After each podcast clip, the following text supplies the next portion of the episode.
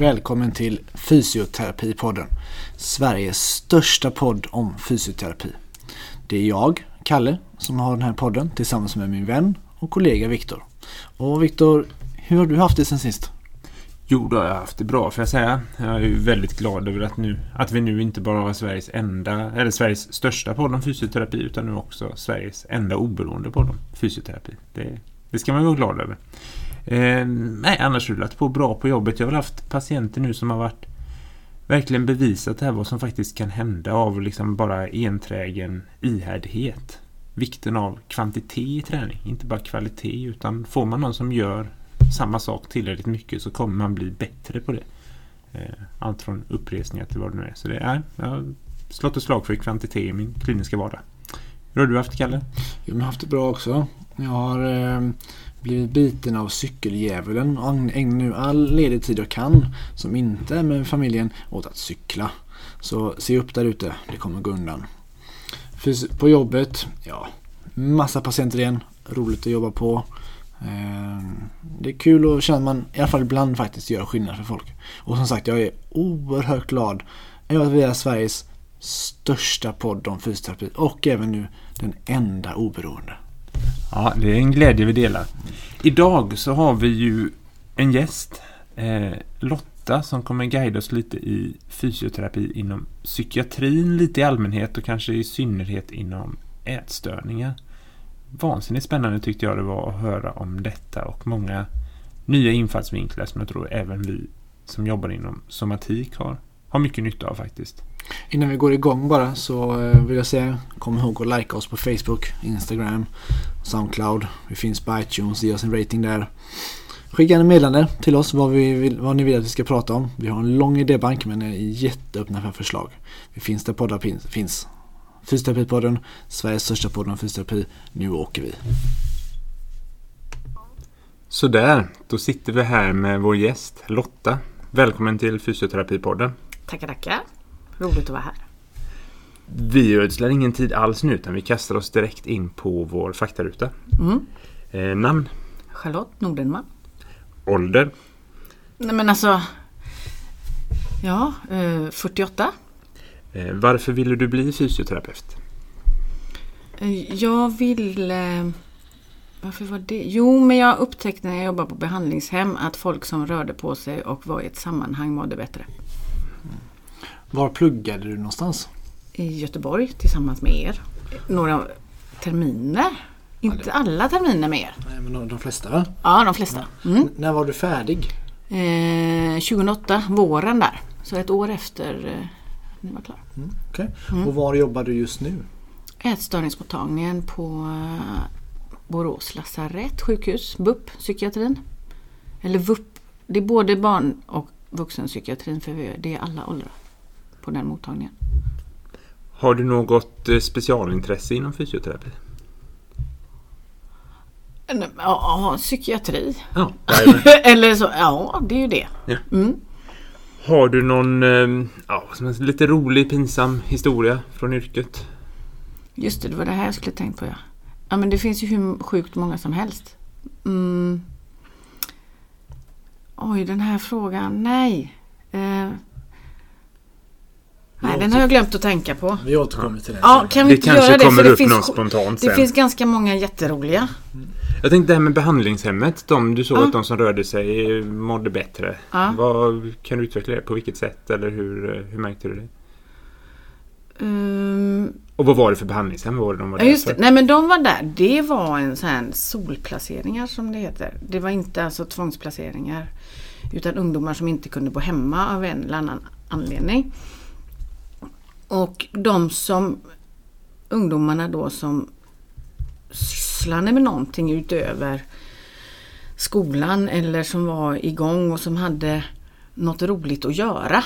Som oftast, alltså, och då inkluderar det ofta någonting med att röra på sig.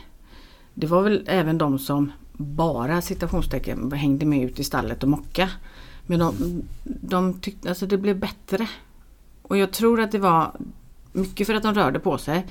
Men kanske också framför allt egentligen för att man blir sedd av fler människor om man är en aktivitet. Än om man bara sitter hemma framför TVn. Att vara i ett sammanhang. Mm. Och det är spännande, på den tiden, i och med att det var innan du pluggade, så var det ju innan jag ska inte säga att det var innan internet, men det var ju kanske innan eh, datorspel och så som det idag är så mycket gemenskap i, utan man kanske mer satt och spelade själv hemma. Man- Idag tänker ja. jag så kanske det är fler, de som inte är ute i stallet kanske inte som på den tiden satt hemma och gjorde något helt själva, utan man kanske sitter med sin, ja vad det nu heter, klan. Internet, i- internet-community. Internet-community eller vad det kan vara. och... Och är sociala på det sättet, absolut. Men det inkluderar ju kanske inte att ta sig från punkt A till punkt B. Nej. Och det finns nog mycket i det att ta sig från punkt A till punkt B. Förutom den rent fysiska träningen. Men också, ja, det är fascinerande där vad som, vad som gör det. Liksom vad som ligger i det. Om det Det stämmer mycket med aktuell smärtforskning också ju med biopsykosocial modell och så vidare. Jag läste senast förra veckan en eh, artikel i GP tror jag det var om att barn som inte blir skjutsade till skolan presterar bättre. Och då tänkte jag som sjukgymnast då, det är de som cyklar och är fysiskt aktiva. Det är de som mår bra på som mår bra i skolan. Eh, så var det tydligen inte. Det spelar ingen roll om barnen cyklade, gick eller åkte skolskjuts till skolan. Men bara de inte blev skjutsade. Det vill säga fick sitta tyst, en tyst bil, lite mörkt. Utan de fick komma ut, träffa dem, prata med dem, gå till bussen. Och då har de märkt att de mådde mycket bättre och presterade bättre i skolan. Om inte annat en bra ursäkt att inte skjutsa sina barn till skolan. Jättebra tycker jag. Baserat på vetenskap. Precis. Eh, men jag tänkte det här jobba på ätstörningsenheten. Om vi börjar med, om du beskriver en vanlig arbetsdag. Vad, hur ser den ut? Vad, vad är det för arbetsuppgifter som ingår? Och, Mm, Man kan ju dela upp det eh, strängt i att det rent fysioterapeutiska. Och sen så gör jag lite vanlig ätstörningsbehandling. Så att jag har ju liksom Jag är både där som behandlare men framförallt som sj- sjukgymnast. Eller fysioterapeut. Jag har inte bestämt mig. har du bytt titel? Nej, för att jag är snål. Och blev sur och sen så skulle arbetsgivaren betala det men då tyckte jag också det var jävligt töntigt. Så att jag kanske blir den sista sjukgymnasten. Ja, det är bra. Vi behöver ju någon. Och du ska se till att leva länge för att behålla Ja men det är ju, ja absolut, ja, men leva länge är det så. Ja. Men det, arbetsdagen är att jag har mycket grupper Mm. i kroppskännedom. Eh, Ligger patienterna inne? Är de inneliggande Nej. eller är det öppenvård? Det är bara öppenvård. Sen har vi också dagsjukvård. Men den går under kriterierna öppenvård. Så in, det är inga som ligger inne, alltså heldygn eller så. ut- För de avdelningarna är någon annanstans, de tillhör inte oss. Så det är bara öppen. Så det är ingen tvångsplaceringar, alltså inget så. Utan man kommer frivilligt på sina behandlingar. Eh, Jag träffar ju inte alla för det är helt omöjligt. Jag är ensam sjukgymnast på mottagningen. Eh, Men jag har grupper. Jag har just nu sex stycken grupper. Eh, högstadiegrupp och så andra grupper. Men jag skiljer högstadieeleverna. Dels för att de har skolplikt. Så den lägger jag på kvällstid. Mm. Sen är det grupper och de grupperna är utifrån det som de upplever sitter i kroppen utifrån ätstörningen. Eller som jag upplever att de har problem med. För det är ju liksom som sjukgymnast i psykiatrin så är det att jag jobbar utifrån det som sätter sig i kroppen på grund av den psykiska ohälsan. Men gruppen är indelad efter på vilka olika sätt det har satt Ja, sig i ålder. kroppen? Är det Nej, ålder? Ja, det är bara ålder. Ja. Alla diagnoser, för det finns väl en, ja nu vet jag inte men åtta, det är väl åtta ätstörningsdiagnoser. Och vi har i stort sett alla diagnoser. De flesta är mm, alltså lite blandade ätstörning. Det, anorektikerna är de som är minst. Alltså, ja, Det tror man ju inte. Nej, För det- att det är ju liksom det som per definition på något sätt bara ätstörning, anorexi. Men de flesta av våra patienter är normalviktiga och ser ut som vilken som helst. Så när jag har mina grupper så brukar jag skoja om att det liksom, om det kommer in någon utifrån så skulle de inte se vem som var patient och vem som var behandlare. Man ska aldrig kunna gissa. Nej men man kan inte gissa för att vi liksom gör samma saker. Jag gör lite avspänning och vi sitter och mediterar. Eh, mycket kasta boll, mycket affektreglering. Det är mycket känslor som sitter fast i kroppen. Andningsövningar. Men vad är exempel på, tänker jag, Jag kommer på två ätstörningar som jag... Mm. Anorexi och bulimi. Ja. Det är som de är på rak Ja. Vad är de andra? Är Hetsätning. Ja. Sen finns det de som har som kallas för ARFID. Det är när man bara äter specifika saker. De har vi inte så många och mestadels så är de i habiliteringen för det gränsar kanske mer åt autistiska drag. Sen är det lite svårt att säga vad som är vad. Sen finns det bland, blandningar. Mm. Att du har perioder av saker och ting. Men det klassiska så är ju att man antingen är anorektiker eller bulimiker. Så. Men sen ser vi ju under de här fyra och ett halvt åren jag har varit på mottagningen så ökar ju träningsmissbruk, tränings, alltså tvångsmässig träning som kompensatoriskt. Ortorexi. Finns inte som diagnos. Nej. Man tror, alltså så här, ortorexi det vill man gärna, det är kanske också lite sådär coolt att ha för att då tränar man ju. Då tränar man mycket. Då också. tränar man mycket och är jätteduktig. Sverige är det enda land i världen som kopplar det till mat. Ja, för jag skulle säga att just den här tränings... Liksom, Mm. Vi vill, ja men precis, vi- men vi kopplar det då till att det ha- handlar om maten och träning. I de flesta andra länder så vet man inte riktigt vad man ska klassificera det här för. Så man har hittat på ortorexi. Det finns kliniker eh, i Sverige som har det som diagnos. Men enligt DSM-5 som är den här våran diagnosmanual som vi följer enligt all evidens och allt som vi ska så är, så är inte det en diagnos. Däremot så är det ett kompensatoriskt beteende som heter duga och som eh, är jättejobbigt att jobba med eftersom det är så bra att träna. För det sa jag ju att det var ju bra att Ja. träna och röra på sig. Men det är baksidan.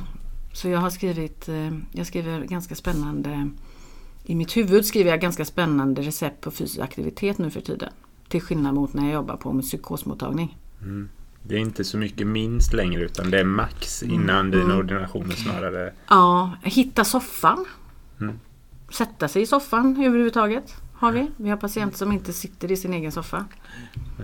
Men jag tänker nu sitter det säkert några med hörlurarna i Mm. Ja. och liksom skriker. Man Ja. kan ju inte träna för mycket. Jo det gamla!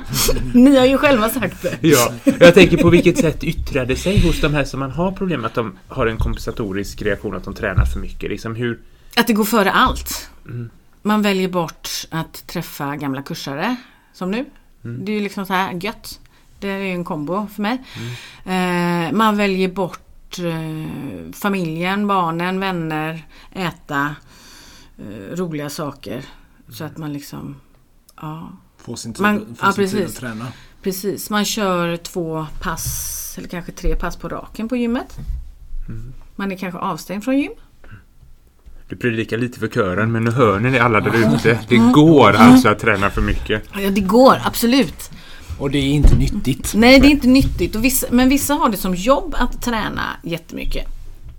Alltså om man tänker professionell, professionella idrottare. Eller PT. Eller PT. Ja, de har ju det också som eller jobb. gruppträning. Jag håller gruppträningar flera, flera pass om dagen. Det är som dyker upp i mitt huvud. Ja.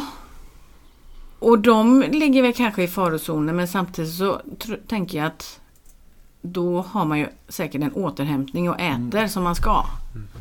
För jag vet inte om ni såg någon gång för hundra år sedan när man fick se när, vad Thomas Wassberg åt. Ja, när han. Mm. när han var, åt, vad han, vad heter det, var i toppform och så. Det var ju liksom, han tullar ju inte på maten. Nej. Utan det är ju den Alltså det är ju balansen hela tiden. På fjällsemestern så är det varm choklad och våfflor. Och på badsemestern så är det vattenmelon och glass. Vad, jag tänker att ni jobbar i team, Ja. gissar jag. Ja. Eh, vilka är teammedlemmar som du har? Oh, nu ska vi se. Vi har väl i stort sett alla professioner. Det är psykologer, terapeuter, arbetsterapeut, dietist, sjuksköterska, läkare, skötare. Hela, hela spektrat. Hela alltså. gänget. Socionom, kurator. Ja, vi är många. När du pratar lite om kropp, äh, ni behandlar folk med kroppskännedom. Mm. Så är jag som den eh, metoden som jag är. Så jag, jag vill ha, i, I mitt fält inom fysioterapi en hård kamp mellan OMT och MDT och Mm. OMI och gud Mm. vet vad. Mm. Men är- hur ser det ut inom det här? Jag, vet, alltså, jag, jag känner till basal kroppskännedom Mm. och vi känner till BK. Nej, eh, Ja, Feldenkrais efter Ja. vår gedigna utbildning i detta. det. Mm. Men hur, hur ser det ut på er enhet med, med metoder? Och är det kroppsgenom en sak eller finns det olika inriktningar hos er? Eller hur ser det ut? Mm, Uh, nu är jag själv. Så jag bestämmer vad jag gör och vilka metoder jag använder. Jag kan väl inte säga att det är liksom en någon kom, alltså sådär att man eh, behöver ha det ena eller det andra. För det finns för lite evidens med sjukgymnastik och psykiatri.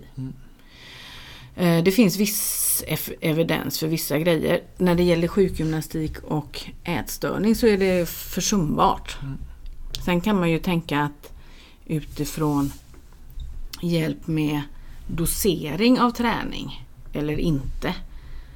Att det är ren alltså fysioedukation som jag håller på med. Alltså, men det är ju utifrån liksom våra teorier som fysioterapeuter med hur vi ska jobba. Så det, där är ju inte metoderna, de jobbar ju inte eh, där kan nästan vem som helst ha vilken metod som helst för att det handlar så himla mycket om bemötandet och att och få patienten motiverad och få att den liksom känner överhuvudtaget. Så där tänker jag, där går jag ganska många olika vägar med och blandar hej vilt.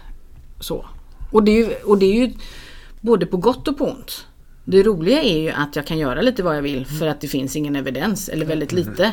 Det tråkiga är ju att jag kan inte alltid hävda att jag behövs på mottagningen eller att vi behövs vara fler eller det står och faller med mig. Och det är ju så tråkigt eftersom det sitter, ätstörningen är ju i kroppen. Liksom. Vad säger eviden- den, den, den lilla nu evidensen som finns? Vad, vad säger den? Ja, att det är bra att andas och slappna av och återhämta sig. Alltså så. Men om man tänker de här som har den här hetsträningen om man säger. Där är det Mm. uppenbart att man måste liksom backa och få dem att göra mindre. Mm.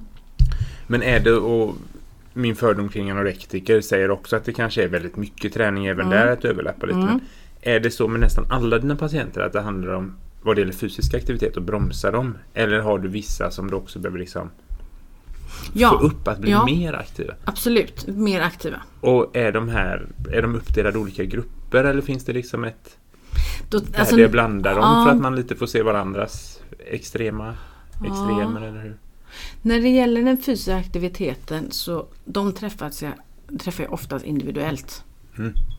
För att jag tror jag har räknat ut att det är typ 10 parametrar för om man ska få träna eller inte. Puls och blodtryck, äter man överhuvudtaget, hur funkar sömnen, mediciner.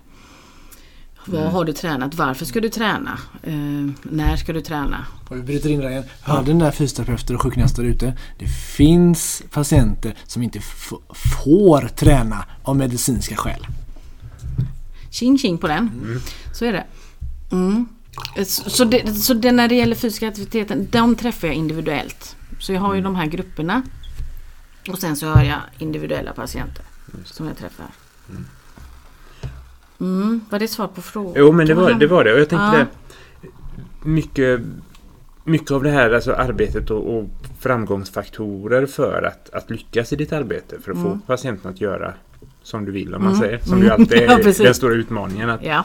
Vad tänker du är liksom de viktigaste faktorerna som fysioterapeut i, i din roll där? För att lyckas Mm. med den här patientgruppen. Vad, Mm. Vilka egenskaper behöver man eller vilka, vilket sätt ska man agera? Eller vad, vad tänker du kring Mm. det? Um, alltså framförallt i psykiatrin så är det ju bemötandet. Att fånga patienten överhuvudtaget. Att den känner sig sedd, är trygg ehm, i, alltså i tid och rum och, och eh, med mig. Alltså förtroendet är jätteviktigt. Ehm, och som fysioterapeut så är det väl det här med att det blir trovärdigt för dem själva varför de ska göra det de ska göra eller som oftast är varför de inte ska träna. Sen är det ju väldigt många som faktiskt blir glada när jag fryser deras gymkort. En, alltså bara så gud så skönt. För att det är så tvångsmässigt och, och, och jobbigt så. Men Alltså man måste vara envis. Ehm, försöka att inte jobba mer än patienten. Mm. Hitta motivationen hos patienten. Och den varierar ju hela tiden. Ehm, det, kan ju gå, det kan ju gå en kvart emellan. Om man vill eller inte. Ehm, veta att hemövningar gör ingen. Mm, så. Ehm, och om de gör hemövningarna så är det väl snarare att har det liksom landat bra eller blir det prestation? Ja, just det. För det är ju där många patienter hos oss fastnar i eh, prestationen och, mm, och vara duktiga. Så. Eh, Och sen också Och då, bara för att rätt, om, om, de fastnar, om, om de har fastnat i det att det blir en prestation att utföra ehm, hemövningar. Det är inte positivt för behandlingsresultatet. Nej just det. Nej, för, för att Som vi gärna ser här på, på vår sida jag sitter och folk har ont ofta. Ja. Där det faktiskt gäller att ta i lite ibland. Va? Men tvärt emot vad jag... Precis, det är väldigt tvärt emot. Det är det, alltså det här oftast det lilla lilla. Och känna skillnaden på om man andas in eller andas ut. Det gäller ju absolut för smärtpatienter också. När jag jobbade tidigare i vuxenpsykiatrin så var det ju mm, med depressioner. Alltså så här, var det smärta depression eller depression smärta?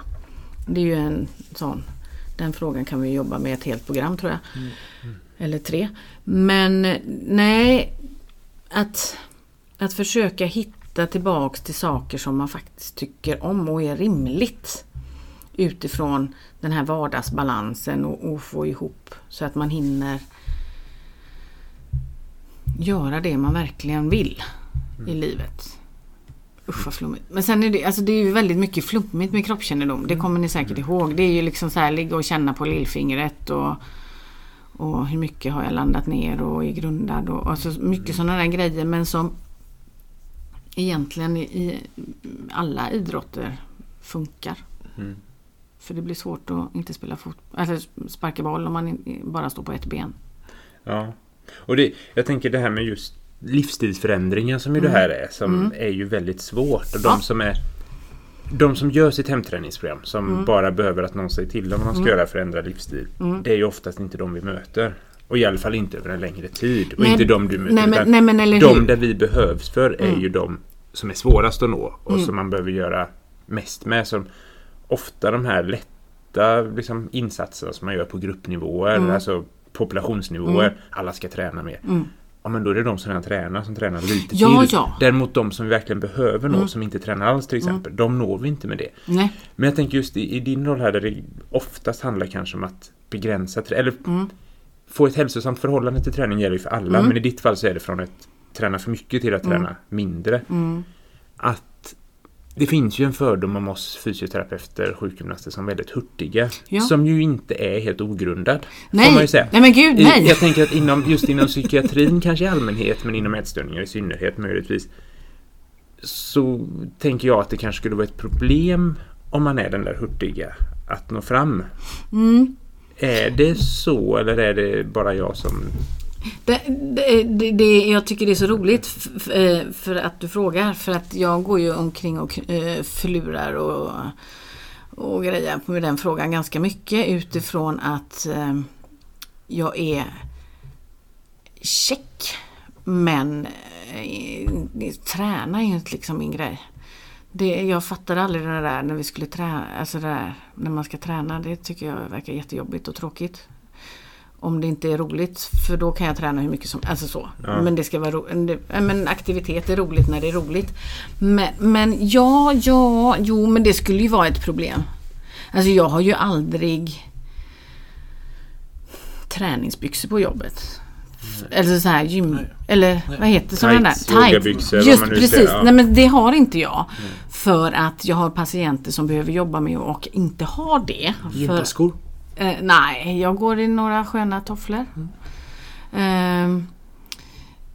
Mm, Nej, för- Vi- Alltså, nej, men det, nej, men det, ja, det, men det kanske, ibland så tänker jag att det kanske skulle vara mer att jag skulle fånga mer patienter om jag liksom mm, var hurtfrisk och såg ut som att jag tränar mycket. Eller gillar att träna överhuvudtaget. Men jag tror inte det skulle vara bra om jag var så här check också. Hade jag varit lite Tårta på tårta. Liksom. Ja men precis, det blir, ja, men jag, för det har jag, jag har tänkt så mycket på det att det skulle, liksom bli, det skulle bli för mycket. Men jag tror att också en del- hel del patienter tänker att jag inte fattar överhuvudtaget vad de liksom upplever utifrån att jag själv inte går på gym. Ja, precis. Så, för att de vet ju.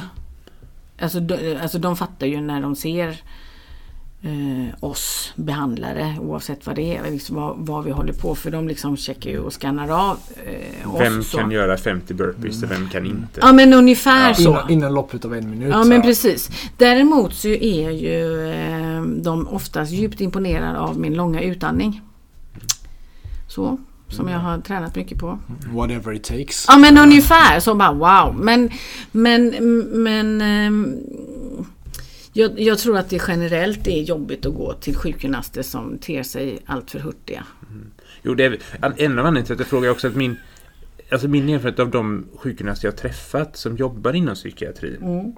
Så på liksom gruppnivå, naturligtvis inte utan undantag, men på gruppnivå så är de inte som det är väldigt sällan de är den här sinnebilden av den hurtiga sjukgymnasten som man kan ge sig fram på och gör. 20 utåtrotationer i axeln varje kväll bara för att förebygga sitt Ja, impingement. Blått Eh, teraband. Ja, inget gult här liksom. Det vore, vore pinsamt. Nej men att, Ja, att Nej, och sen men- frågan är om det är att de drar sig dit eller om man blir så när man har jobbat Ja. där eller om det bara är Ja. slump. Åh men gud, ja tänk, åh, tänk om jag visste det. Men jag tror alltså det är säkert summan av kardemumma men alltså eh, det är ju klart att inte jag vad hette det här? Vad ville alla jobba på när vi pluggade? Idrottsskador. Idrottsskador och grejer. och Nej men jag tror att jag, ja det känns mig ganska otrovärdig och det var lite det som jag drog mig för och var lite så här ätstörningar. Alltså jag är överviktig. Nej, där ska jag inte vara. Det blir ju, det, nej men det blir inget bra. Men det blir asbra. Det är ett stort steg från det som vi lärde oss på utbildningen också ju. Ja, ja. Såklart. ja. Ja, men, men, men ehm, Ja, hur mycket av det vi lärde oss tänker du att du, av det du jobbar med idag, hur mycket av det var det som du känner att du lärde dig på utbildningen kontra vad du har lärt dig ef- efterhand? Hmm. Nej men jag var ju en utav dem som inte fattade sjukgymnastik förrän, jag vet inte vilken kurs vi gick i. Jag tror det var den när alla andra sov. När vi gjorde den här psykiska ohälsan. Och fick ligga på golvet och känna på olika Ja, du kroppsdelar. menar, du menar när eh, vi gjorde en liggande övning på golvet. Ja, Och eh, vi låg där en stund varmt golv efter Jajamän, lunch. gött. på mjuka så här, Jajamän, mattor, röda ja mattor. ja. Och eh, sen så gjorde vi en stående övning och så, alla fick, så läraren sa att ni kan ställa er upp. Mm. Och det var en person som låg kvar. Ja. Jag behöver inte berätta vem det var. Nej, men jag tror att hen Hen gjorde det. hen eh, är också lite sugen på att bli inbjuden till podden har jag hört. Men jag vet inte om hen kommer bli det. Vi får se, om inte Ja. annat så har vi en bra historia att inleda den Ja men precis. Det, ja, men precis. Ja, men, nej men det, jag tror inte jag fattade förrän då på något sätt. För att det andra var lite för Trä, alltså för mig blev det för mycket eh, utifrån träning. För jag var ju intresserad mer av det psykosociala eller det psykiatriska. Så att jag, vänt, alltså, jag tyckte väl att de där kroppsdelarna och musklerna, ja men det kan vi väl få överstökat så att vi kan komma in i det där andra. Som jag någonstans redan, alltså jag hade ju redan bestämt mig för att det är bra att vara lite igång och vara i ett sammanhang. Det var inget nytt på det Nej sättet. men precis, alltså det, var, så det blev lite så men, vad, men det är klart att det, alltså jag lärde mig jättemycket. Det är ju skitroligt att skriva eh, sjukgymnastbedömningar i en eh, psykiatrijournal. Eh. Mm. För det är ju typ ingen som förstår eller bryr sig eller så. Men hur gör man det? Undrar jag då. Nej men man gör det. Alltså, ibland behöver jag ju göra det. Jag Ja, tänker, ja, det alltså sådär, nej men andas högkostalt är ju roligt att skriva. Så, bara för att jag kan. eller någonting, eller typ utåtroterade höfter eller ja men, men lite sån, men det är ju för att jag vill ju ändå behålla det och det måste ju ändå bli eh, sjukgymnastiskt, min Det bedömning. Det är tvångssyndrom ju såhär. Nej, ut och dra träda höftar. Ja men det kan också vara en förkortad piriformis som gör att man kanske är lite spänd någonstans och man behöver kanske jobba med eh, alltså att mjukna i eh, bålen faktiskt. Så att eh, man vet inte. På tal om stram Mm. piriformis. Hur, hur, hur, inom vårt fält, eller mitt fält med smärtproblematik Mm. så är alternativmedicinen väldigt stor. Det finns väldigt många olika som, som kan hjälpa folk med smärta. Påstår de. Hur ser det ut inom ätstörningar? Är det ett stort fält med alternativmedicin och alternativa behandlingar och så? Eller är det, nej, då går man till läkaren och psyko- psykologen och fysioterapeuten och så vidare. Mm. Det finns ju eh, privata kliniker som man kan söka till och som också i VG-region så har Mando än så länge avtal, Mandometerkliniken. Men det är inte så stor skillnad egentligen mot hur vi jobbar. Så ätstörning, nej, det är väl mer att man försöker sig på olika sätt att bli fri från sin ätstörning. Men det oftast ger bara ännu mer ätstörning. Tyvärr. För att det kommer ju alltså det, kom, ja, men det kommer ju bara mer och mer förslag om du googlar på liksom, då ska du bara äta gojibär eller du ska äta klockan sju eller du ska liksom, då ska du bara träna sitt, jag vet inte vad. Pandoras ask Ja men, men lite sådär. eh, Så nej, inte, jag tror inte det är lika vad ska jag säga, konkurrensen är inte lika hög som i den somatiska eh, fysioterapin. Är För att det är inte så många som vet att man kan jobba som fysioterapeut inom psykiatrin överhuvudtaget. Nej. Alltså det blir ju mer så här stress. Men det var innan Mm. den podden. Ja det var innan podden. Nu kommer ju alla veta det eftersom det här är Sveriges största podd. Om fysioterapi. Om fysioterapi då. Så att, eh, ja. Ja, nej men jag tänkte... Ja, men... Det är fascinerande just det, alternativmedicin. Jag tänker man att det... Nej, det är klart, det är inte så många liksom homeopatiska lösningar på... Det är väl det en del gör från början i och för sig. Äter homeopatiskt fast... Vi tar en ärta och så delar den hundra gånger så Mm. Ja, precis. middag istället. Och Du visste att man kunde dela en ärta så många gånger? Man- Det hade jag ingen aning om innan ju- jag började. Jag, Fast, fast ju mer man delar ju mättare blir man om man äter upp den. Det är homeopatmedicin. ja, det är den som är homeopatmedicin. Jag kan inte så mycket om homeopatmedicin men man är ju liksom... ut det, ju mer man spär ut ett ämne ju starkare blir det. Mhm. det, det. Det är ett avsnitt för sig, inte idag. Ja, det var väldigt roligt när Christer Fuglesang off offentligt eh, gjorde ett självmordsförsök genom att överdosera homeopatisk sömnmedicin. Gud, det har jag missat! Det var under Almedalsveckan tror jag för ett gäng år sedan. Ganska Ah. roligt grepp på det. Men, Ja. eh, Nej men Men- jag har nog sett, alltså, ja för det är ju ett kapitel för sig med självmord. Just För det, om man, vad som behövs för att jobba i psykiatrin eller som Mm. alltså så. Man måste ha lite koll på sina egna tankar om självmord, eh, värderingar, om... Eh, alltså vad tycker och tänker jag egentligen om eh, livet? Ja, vad, nu när du ändå öppnar den dörren lite. Alltså Mm. vad beror psykisk sjukdom kanske i allmänhet på? Men alltså, nej, men vad beror en ätstörning på? Vad är det? Är det brist på karaktär? Är det rent genetiskt? Är det kemiska förändringar i hjärnan? Jag menar, att, Ungefär som det depression. Mm. Eh, vad är Ja, det? Är ja. det en sund reaktion på omständigheter du befinner dig inför? Eller alltså, Mm. Ja, ja, ja, ja och ja och så lite ja på det för det vet vi inte.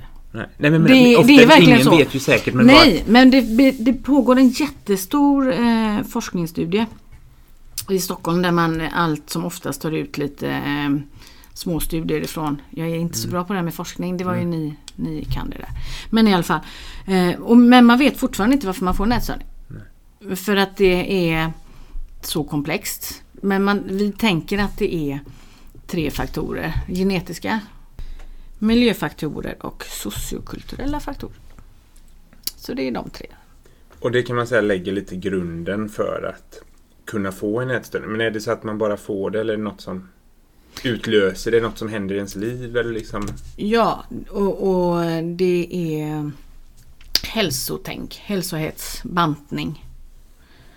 Eh, och om man tänker på så många kvinnor som bantar och män som försöker leva nyttigt så är det ju ganska konstigt att inte fler har en ätstörning kan jag tycka så här nu när jag har lärt mig och, och kan det här med ätstörningar. Eh, men det är också ett mörkeltal tror jag, speciellt bland män. För Ja. det är ju att, att så de söker ju inte behandling utan jag tror vi ser dem inom beroende. Mm. Och vi män och kanske framförallt vi män i ja, 25 till 40 års åldern eh, bantar ju inte. Skulle vi inte komma på tal. Däremot går, vi, däremot går vi ibland på diet. Det Just vi gör. en Vi, diet. vi gör lite periodisk fasta när någon liksom auktoritet har pratat om det. Det är lite Mostly. häftigt. Sådär. Det kan vi göra. Men att, att jämställa periodisk fasta med att banta. Nej, ju, gud säg förbarme. Ja. Det skulle väl aldrig en karl göra. Två vitt skilda saker. precis. Då tar Men de banta gör manskortet ifrån Ja, precis. Ja, manskortet försvann där. Nej, men så Så det är en- det. Så det är alltså hälsotänket som, eh, som eh, kör igång det kan man säga. Sen är det inte ovanligt med någon slags trauma. I I, barndomen? I eller? barndomen Ja. eller i livet så. Eh, och där har ju faktiskt som tur är tycker jag mobbing börjat, alltså man räknar det som trauma nu för tiden. Mm. Det gjorde man inte förr. Så det är bra. För då kan vi fånga upp de här barnen och ungdomarna på ett annat sätt. Och att det inte bara heller är ett "Äh, barn är som barn är, det är inte så jävla farligt. Nej. Snyt jag kom in i matchen nu. Alla, Nej, nej. alla är inte vän med alla jämt. Utan att man förstår att det faktiskt är Det är jättefarligt med mobbing. jättefarligt och Mm. något som man måste ta på allvar Mm. tidigt och stoppa. Ja. Eller, alltså, så som jag har lärt mig nu också tänker så är det liksom den här sociala döden. När man inte får vara med. Det här återigen att inte bli sedd. Mm. Och att det ligger mycket psykisk ohälsa i att inte ha blivit sedd på ett eller annat sätt. Så. Mm. Och sen kan det i vuxen ålder ta sig lite olika uttryck beroende på vad, vad man är benägen liksom, Ja, vad ja. man är benägen att få om det nu är ätstörning eller något. Vi pratar en hel del om det på eh, patienter som har väldigt långvarig smärta också. Mm. Att tillbaka, tillbaka på mobbing. ja. ja. Men jag tänker Mm. just kring de här alltså, psykiatriska åkommor i allmänhet, men ätstörningar definitivt. att Om man jämför med somatik så tycker jag ofta att de psykiatriska åkommorna har ett större stigma rent Mm. i samhället. Det, det är lättare att i fikarummet berätta att jag var med om en bilolycka och jag låg på sjukhus i två månader och det tog först ett år innan jag kunde börja jobba 25% för att Mm. jobba mig upp. Men nu två år senare så jobbar jag minsann. Och så är man nästan hjälte liksom. För att Oj. man eh, Mm. inte kunde hålla avstånd till bilen framför för att det var krock i, Mm. mot liksom, Mm. mötande filen man var tvungen att titta. Om man däremot berättar att äh, men jag blev superdeppig, Mm. eh, fick ligga inne inom psykiatrin i två månader och fick eh, el, elstödsbehandlingar och sen Mm. tog det mig tio månader innan jag kunde komma upp och göra frukost själv och börja jobba 25%. Mm. Då är det lite mer sådär viljesvag, alltså att det, är mer, det finns ett större stigma kring det upplever jag. Hur Ja, men- tänker du inom psykiatrin som ser det här? Är det något patienterna berättar om eller som de har med sig att det är jobbigt att berätta om det här för?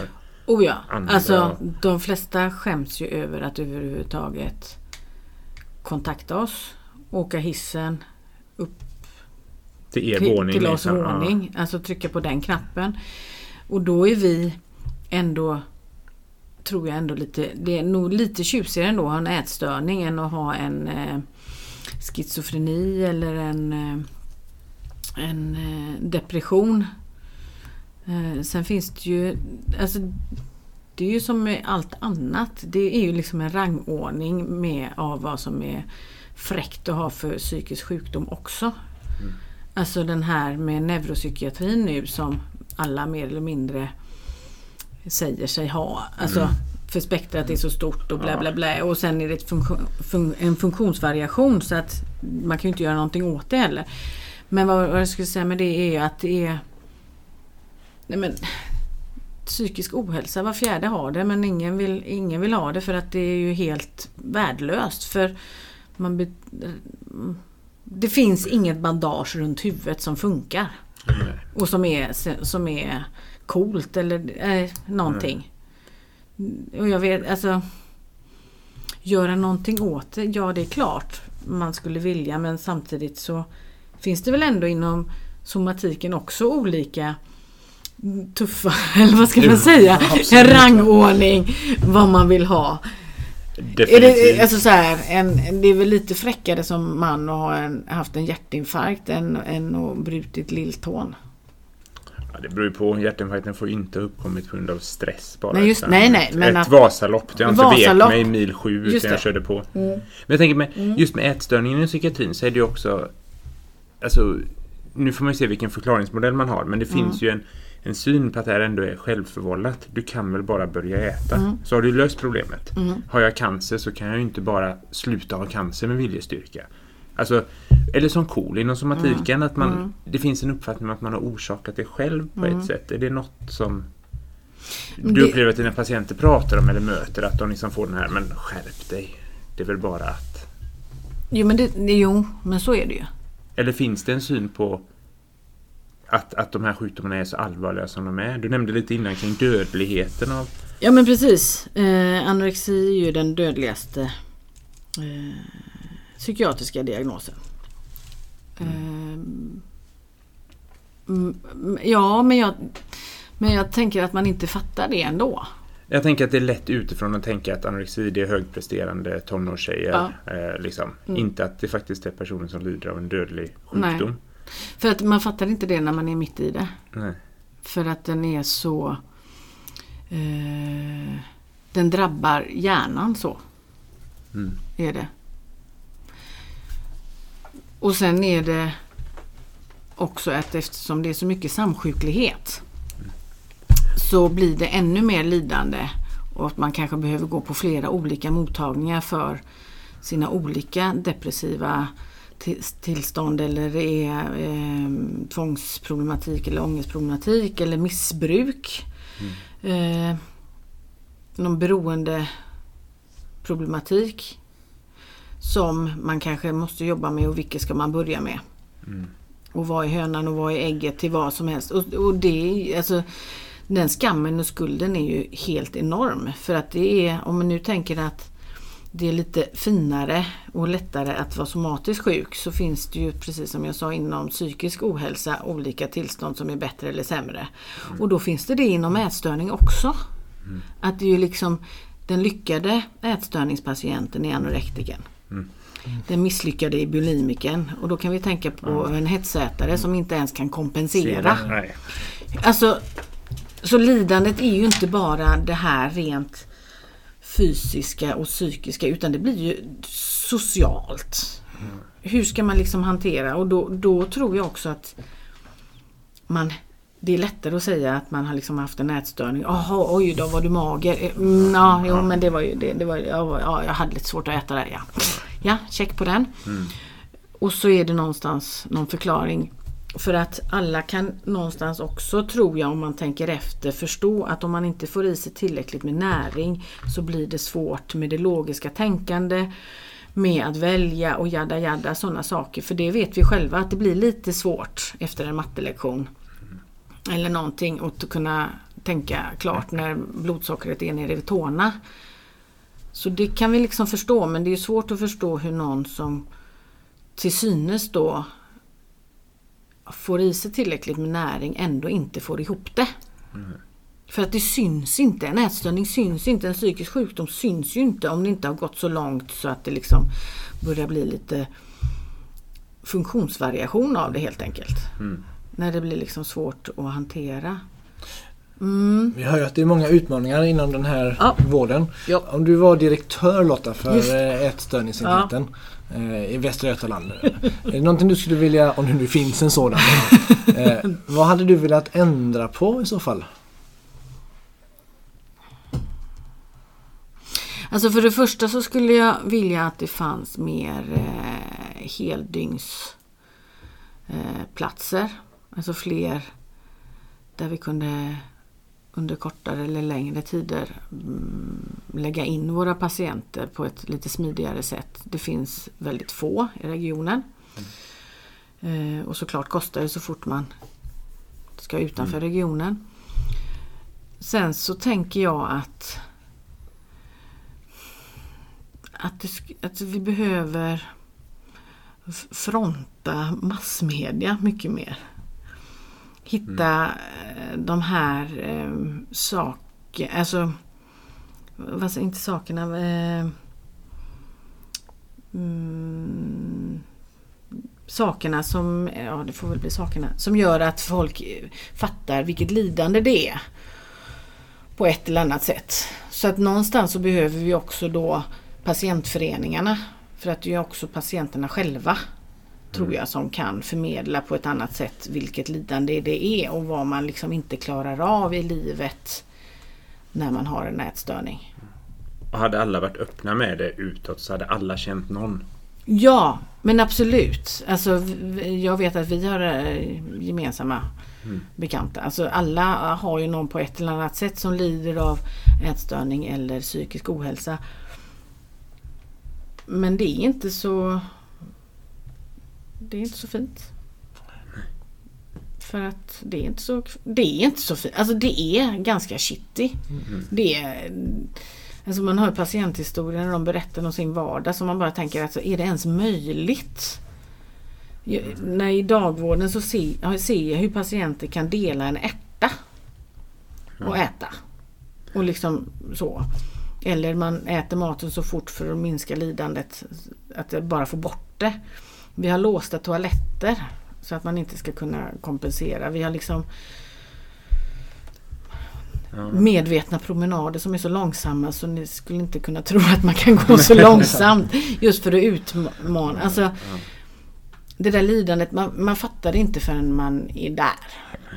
Och det får ju inte romantiseras. heller. Nej, det får, nej men precis. Alltså, det här Kate Moss kom med någon tröja för länge sedan. Nothing tastes as good as, as skinny feels. Mm. Var liksom texten på det. bara, ja. ja, Nej. nej men du. Det var väl då hon var heroin chic samtidigt. Ja, bara att det uttrycket finns Ja, är ju tecken på något. Det problem. Det var så här, oh.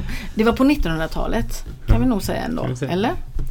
Med de orden. Mm. Lotta, fantastiskt roligt att ha dig här. Jag hoppas vi har spridit ordet lite om den här problematiken bland kollegor och det är ytterligare en orsak att sprida det här vidare till folk ni känner. Mm. Eh, att det är många som har dessa besvär och faktiskt kan även fysioterapeuter hjälpa de här personerna. Mm. Och jag tror att även precis fler och att även fysioterapeuter inom somatiken har, ja, var fjärde svensk har haft psykisk ohälsa någon gång under sitt liv. Mm.